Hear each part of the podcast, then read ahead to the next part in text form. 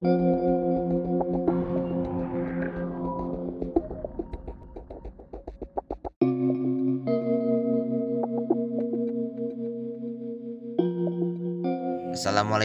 warahmatullahi wabarakatuh Transpro dan Transis semuanya.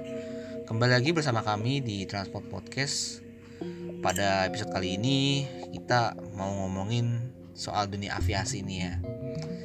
Uh, Kita akan membahas soal kalau Transport dan Transis pernah tahu gitu Ternyata ada loh uh, pesawat yang ngisi bahan bakar lagi di udara gitu Nah, namanya air refueling.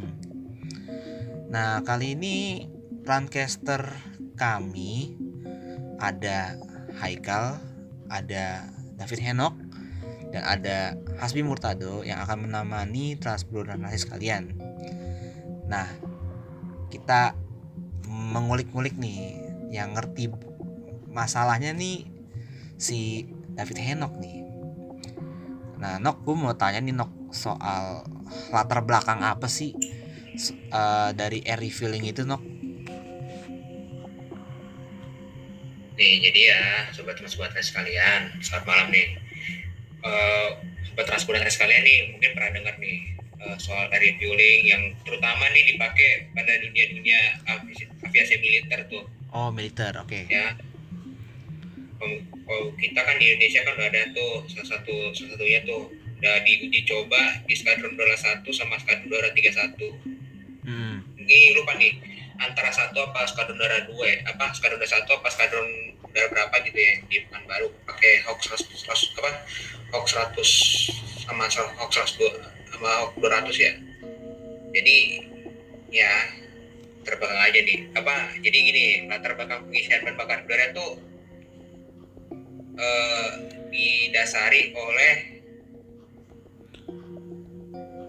apa kalau bisa menurut gue ya itu untuk mobilitas penerbangan apa penerbangan kayak ini gitu. Jadi misalnya nih eh,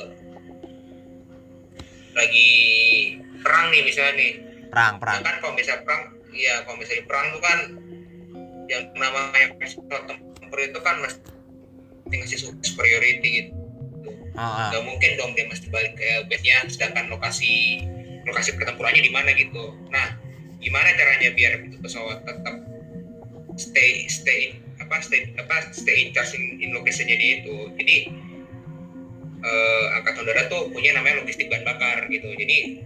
Masuk jadi kesatuan logistik bahan bakar ini nih nanti yang ngasih supply apa, ngasih bahan bakar di udara gitu ngasih supply ya, ngasih ngasih supply bahan bakar di udara gitu oke okay. nah jadi itu, pengisian bahan bakar di udara itu atau real fueling adalah kegiatan pengisian bahan bakar yang dilakukan di udara. Jadi pesawatnya itu nggak perlu mendarat di lapangan udara terdekat, sudah pasti dong. Hmm. hmm. Jadi kayak gitu ya ceritanya awal latar belakangnya gitu ya. Iya. Oke, kita lanjut nih ke eksperimen awal nih. Mungkin Hasmi bisa ditanyakan Nah, kalau apa nih uh, eksperimen dan uji coba pertama kali buat air refueling tuh kapan tuh? Nah, gini Bi, untuk eksperimen awal sendiri itu sebenarnya sudah dilakukan pada tahun 1920 gitu. Waduh. Jadi berarti ini ya berdekatan sama pesawat pertama dibuat ya? Lebih tepatnya berdekatan setelah Perang Dunia Pertama usai. Hmm, gitu. Terus ya. terus.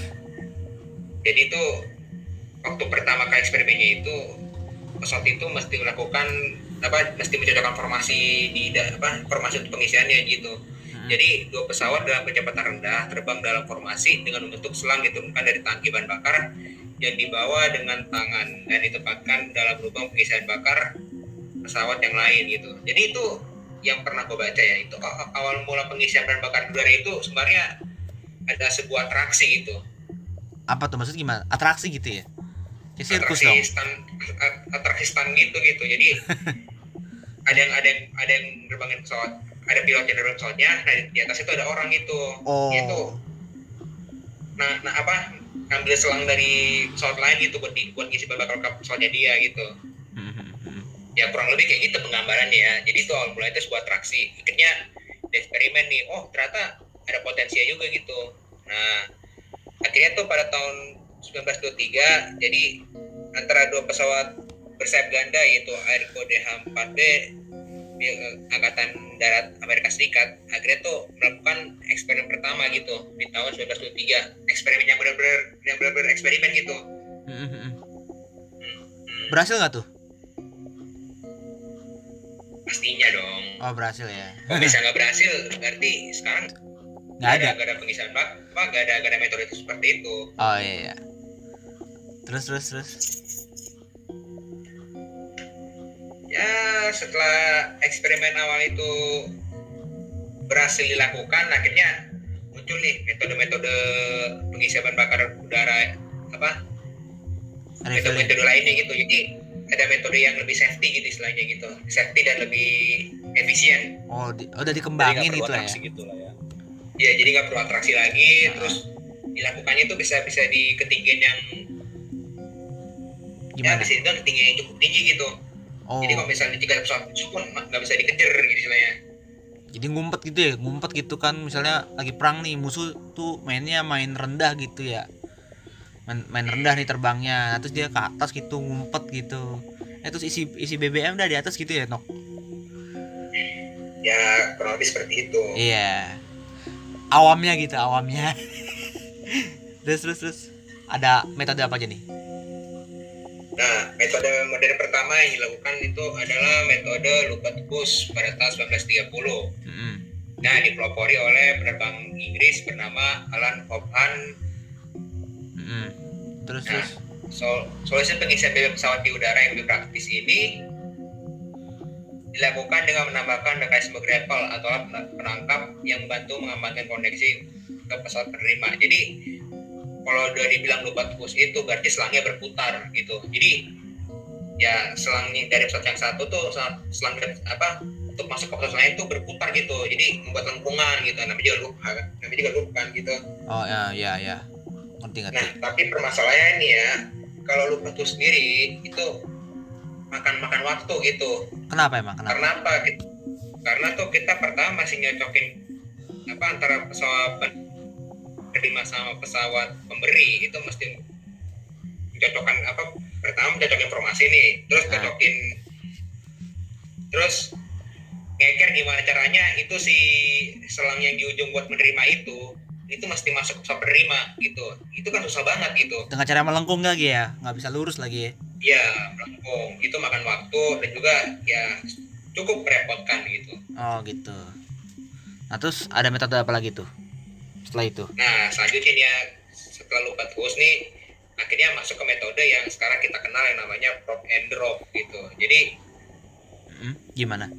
Jadi nih drop itu diciptakan karena teknik terus sendiri masih terbatas karena selang melingkar ini harus dioperasikan di kecepatan yang terbang yang lambat mm-hmm. lalu ada sebuah perusahaan bernama Flight Refueling Ltd mm-hmm. mengembangkan prop gerak praktis pertama dan sistem drop Nah, maksudnya prop and drop itu apa? Kan tuh berarti dua dua arti berbeda tuh. Prop itu apa, drop itu tuh apa gitu kan?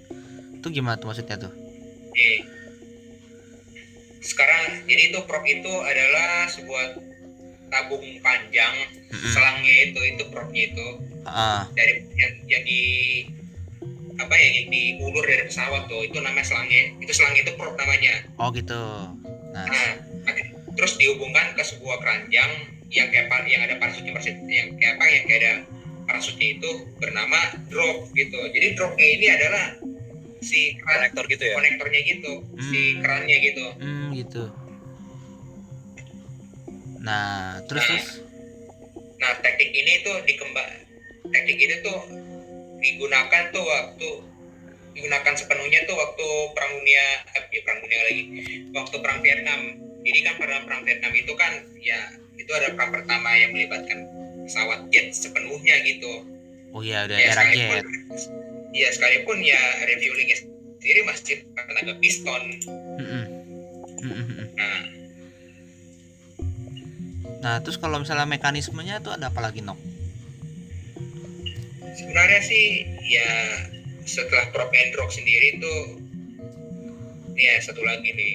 Nah ada namanya flying boom ah tuh gimana lagi tuh nah teknik boom sendiri itu itu yang sampai sekarang dipakai dalam dunia pengisian bahan bakar di udara apalagi dan dunia militer ya. Jadi tuh mungkin sobat transbuan transis nih pernah dengar pesawat KC 103 apa KC KC 135 strato tanker terus KC 10 extender KC 46 Pegasus yang sering yang dipakai sama apa angkatan udara Amerika. Nah sekarang nih yang yang katanya pengen datang ke Indonesia nih Airbus Airbus A330 MRTT singkat gua. Military tanker ya. Oh Airbus A330 military tanker. Gitu. MRT MRTT ya.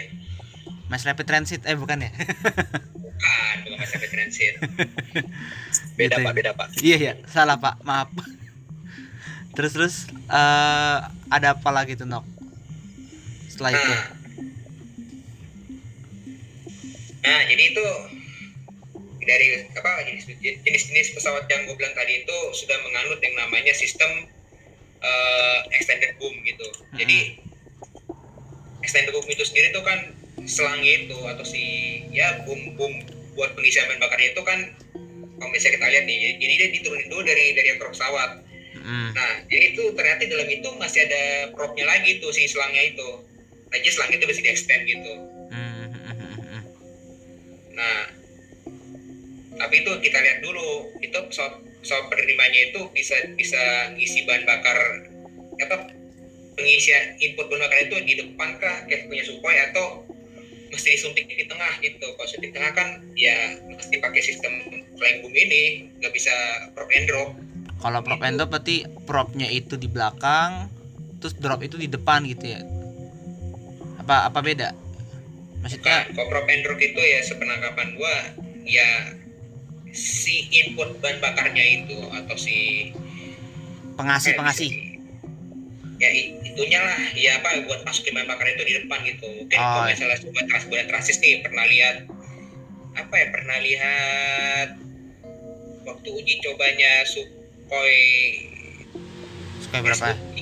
Iya, SU-30 atau SU-27 gitu punya skadron angkatan apa skadron udara 11 gitu kan. Mm-hmm. Waktu itu kan pernah pernah dicoba tuh. Jadi pakai pesawat Hercules sebagai flying tankernya dan juga menggunakan Sukhoi tentunya itu sebagai receivernya gitu. Hmm. Nah itu itu pakai sistem per and drop gitu. Beda cerita nih kalau misalnya nanti di, diterapkan ke pesawat sekelas F-16 gitu. Hmm. Karena F-16 sendiri tuh ya receivernya itu bukan bukan di depan di dekat di, di dekat moncong tapi pas di tengah badan. Nah, itu receivernya. Ah, oke oke oke. Kayak gitulah ya. Ya Oke, mungkin ad, dari Hasbi ada mau ditambahin? Nah, kalau di tengah badan tuh modelannya gimana? Tuh kan kalau moncong tinggal masih moncongnya aja tuh. Nah, kalau di tengah badan gimana, Pak? Susah itu cocok nah, gitu loh. Itu tuh, itu itulah gunanya si flying boom itu.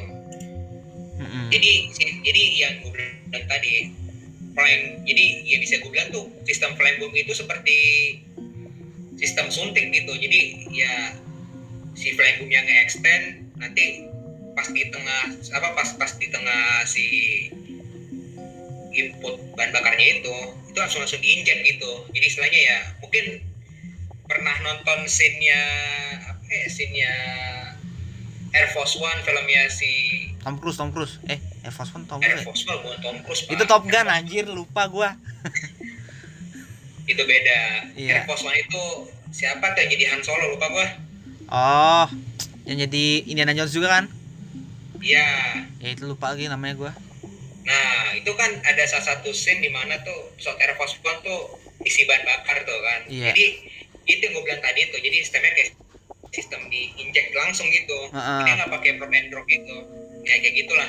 Bisa gue jelasin ya. Jadi kayak gitulah ya. Ditambah posisinya tengah badan agak ribet juga ya pilotnya. Benar, ya. benar, benar, benar. Iya. Ditambah nggak ada spion lagi. Iya, iya gimana ya Pak? gimana Pak kalau spion ya Pak? Lucu juga gitu Pak. Eh, tapi bisa pakai spion loh, pesawat tempur terutama. Oh iya benar benar benar benar. kalau misalnya kalau misalnya dogfight gimana loh? Lu lihat di belakang nggak tahu loh ternyata dikejar-kejar kan? Iya. Kan dikejar gitu. Iya. Oke pas perang dunia dua. Dibokongin gitu lah. Ya. Iya, dibokongin kan kocak juga tapi emang nih gue mau nanya di hal ini sih penyimpanan bahan bakarnya tuh tadi kan Prof. Andrew kan tadi gue masih penasaran nih kan yang yang pemberinya tuh kan selangnya dari dari belakang belakang ketemu depan nih penga, yang penerima di depan nih. Nah tuh tankinya tuh di mana sih? Di di tengah di tengah kah atau di sayap kah? Tangki bahan bakar pesawatnya tuh khususnya pesawat militer ya tangki bahan bakar pesawat penerima apa tangki bahan bakar si flying tankernya nih dua-duanya.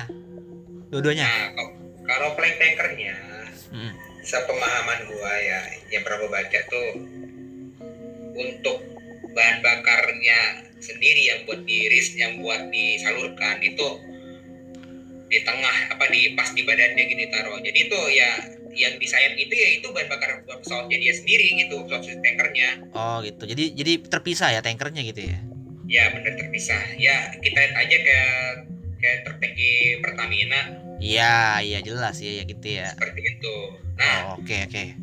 terus terus? nah kalau untuk pesawat penerimanya sendiri itu tergantung dari si uh, dari si itunya dari si jenisnya gitu. Sepenglihatan gue ya yang pernah gue lihat tuh Hawk 100 200 tuh pertama receivernya di depan. Tuh kayak receivernya di depan. Hmm. gitu nah kalau kayak sekelas F15 F16 itu singkat gue di, itu singkat gue pasti tengah. Hmm makanya nggak bisa prop and rock gitu. Makanya nggak bisa prop and rock mesti flying boom hmm. terus ada apa lagi? Pesawat mana lagi yang kira-kira paket prop and drop Sukhoi doang lagi jangan-jangan. Apa ya, kalau di, kalau di Indonesia sendiri ya untuk sistem prop and drop itu ya istilahnya baru Hercules doang. Oh baru Hercules. tergantung nih tergantung nih ntar kalau misalnya jadi datang pesawatnya nih Airbus ini ya nambah. Nambah nambah lagi sistemnya gitu. Apakah yeah. nanti dia bisa nanti nanti dia juga bisa and drop nanti dia nanti dia juga bisa flying boom ya tergantung tergantung situasi dan kondisi aja gitu. Nah tuh berarti sekarang udah jarang ya pakai atau udah mungkin ditinggalkan ya pakai looped house tadi tuh ya? Looped house sorry iya. Karena kan dia butuh apa sejajar tuh steady. Baru bisa apa uh, baru bisa selangnya pas gitu dan ya butuh presisi banget gitu kan. Karena posisinya kan gimana ya samping-sampingan gitu kan tuh ribet gitu kan. Nah sementara kalau si propendro itu kan atas bawah gitu ya. Ada yeah. pada beda ketinggian gitu. Jadi kan ya gue sih ngomong lebih ke arah ke mana ya ke gravitasi aja lah gitu gravitasi ya kan otomatis ya lebih gampang gitu nggak sih mikirnya ke situ yeah. aja lah gitu iya sih bener-bener ya, ya mungkin mikirnya bukan gravitasi tapi ya segam tapi ya kan Apa? udah ada yang namanya pompa gitu jadi hmm. istilahnya mau mau di ketinggian mana pun ya istilahnya gampang lah gitulah hmm. hmm. jadi soal ketinggian tuh nggak harus ketinggian uh, ditentuin gitu ada ada penentuannya nggak harus di ketinggian segini atau segitu kalau secara bukan perang nih ya ada atau enggak ada nggak? Apa nih?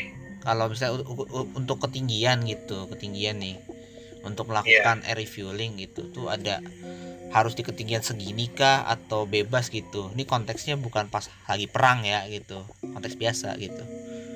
Sebenarnya sih ketinggian ya ya tadi gue bilang tadi itu. Hmm. kalau misalnya mau perang nggak perang ya tetap di ketinggian di mana pesawat musuh itu nggak bisa dikejar gitu apa nggak bisa ngejar gitu. Oh iya iya hati hati hati karena itu bisa dibilang ya ketinggian yang apa ya gua kalau misalnya mau perang pun juga juga nggak efektif di situ. Iya iya. Apa mau mau mau nyerang gitu. Hmm. oke nah berarti sejauh ini kalau untuk pesawat penumpang nggak ada ya untuk penumpang ngapain? ya nggak ada ya. Ngapain ya? Nah, istilahnya ngapain gitu apalagi kan emang genting gitu. Ya kecuali kalau misalnya pesawat kepresidenan ya pesawat presiden Amerika iya. Kalau ya. presiden kita kan belum. Belum tentu bisa karena ya karena emang basically pesawat presiden kita kan eh, pertama pesawat pesawat bisnis ya satu. Yang kedua itu pesawat konversi dari pesawat penumpang itu lebih jelas gitu. Oh iya berarti tetap tetap bawaan dari penumpang gitu dipindahin doang itunya iya, peruntukannya. Ya, tapi kalau ini selain Air Force One tuh ada apa lagi tuh kalau pesawat kepresidenan yang bisa air refueling Aduh, sepenangkapan gue sepengetahuan gue sih baru Air Force One doang tapi nggak tahu nih bisa jadi tuh pesawatnya Vladimir Putin ternyata bisa juga gitu. Kita nggak hmm. tahu ya. Hmm. Karena ya se sepenurut se sepenglihatan gue tuh sepenglihatan gue sepemaham apa sepenglihatan gue yang yang yang pernah boleh itu ya cuma Air Force One aja bisa gitu. Oh gitu. Ya ya ya itu sebagai itu ya apa uh, threat analysis lah salah satu bentuknya. Oke mungkin dari Hasbi ada pertanyaan lagi mungkin terkait dengan safety dari proses air refueling gitu bi. Ada nggak bi kira-kira lu mau nanya gitu ada dong kan kalau masalah apa nih pesawat kepresidenan nih kan yang diangkut juga orang penting banget lah tuh. Mm-hmm. nah kalau nih uh, semacam Air Force One itu ngelakuin air refueling nih. Nah itu aman gak sih buat si penumpang gitu dan si pesawatnya itu sendiri? Nih ngomongin safety-nya nih. Nah kebetulan nih. Nah pada selang prop and drop sendiri kan itu dari beliau pendingin apa beliau pendingin untuk mengantisipasi terjadinya percikan api saat pengisian bahan bakar.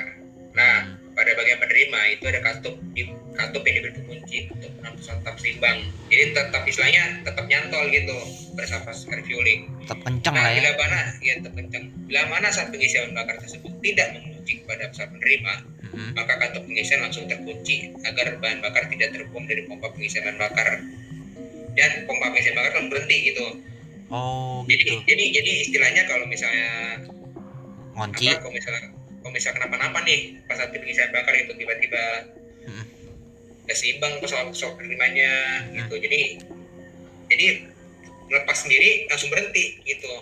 Hmm gitu. Jadi otomatis lah ya kalau misalnya kendor dia berhenti gitu. Kalau misalnya ngelok kenceng jalan gitu. Nah ya itu mekanisme logikanya aja sih ya seperti secara itu. logika gitu lah ya tapi maksudnya kalau nah, secara sensornya gimana tuh? Itu pakai sensor gitu ada kali.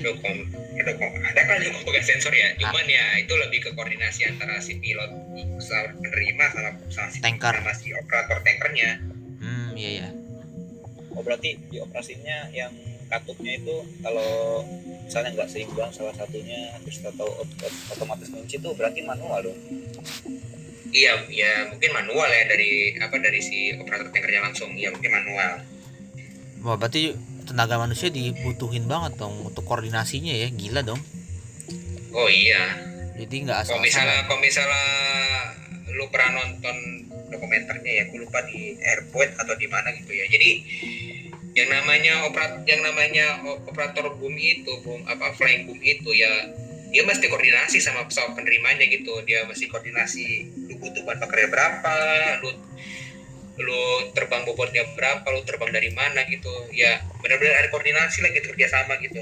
Wah secara aktual berarti dan kalau misalnya benar ada problema ada apa? Dan kalau benar-benar istilahnya ada sebuah problem problematika gitu problematika dia mesti melepas bahan bak apa problematika dia mesti mengcancel proses tersebut ya pasti ya koordinasi tadi itu.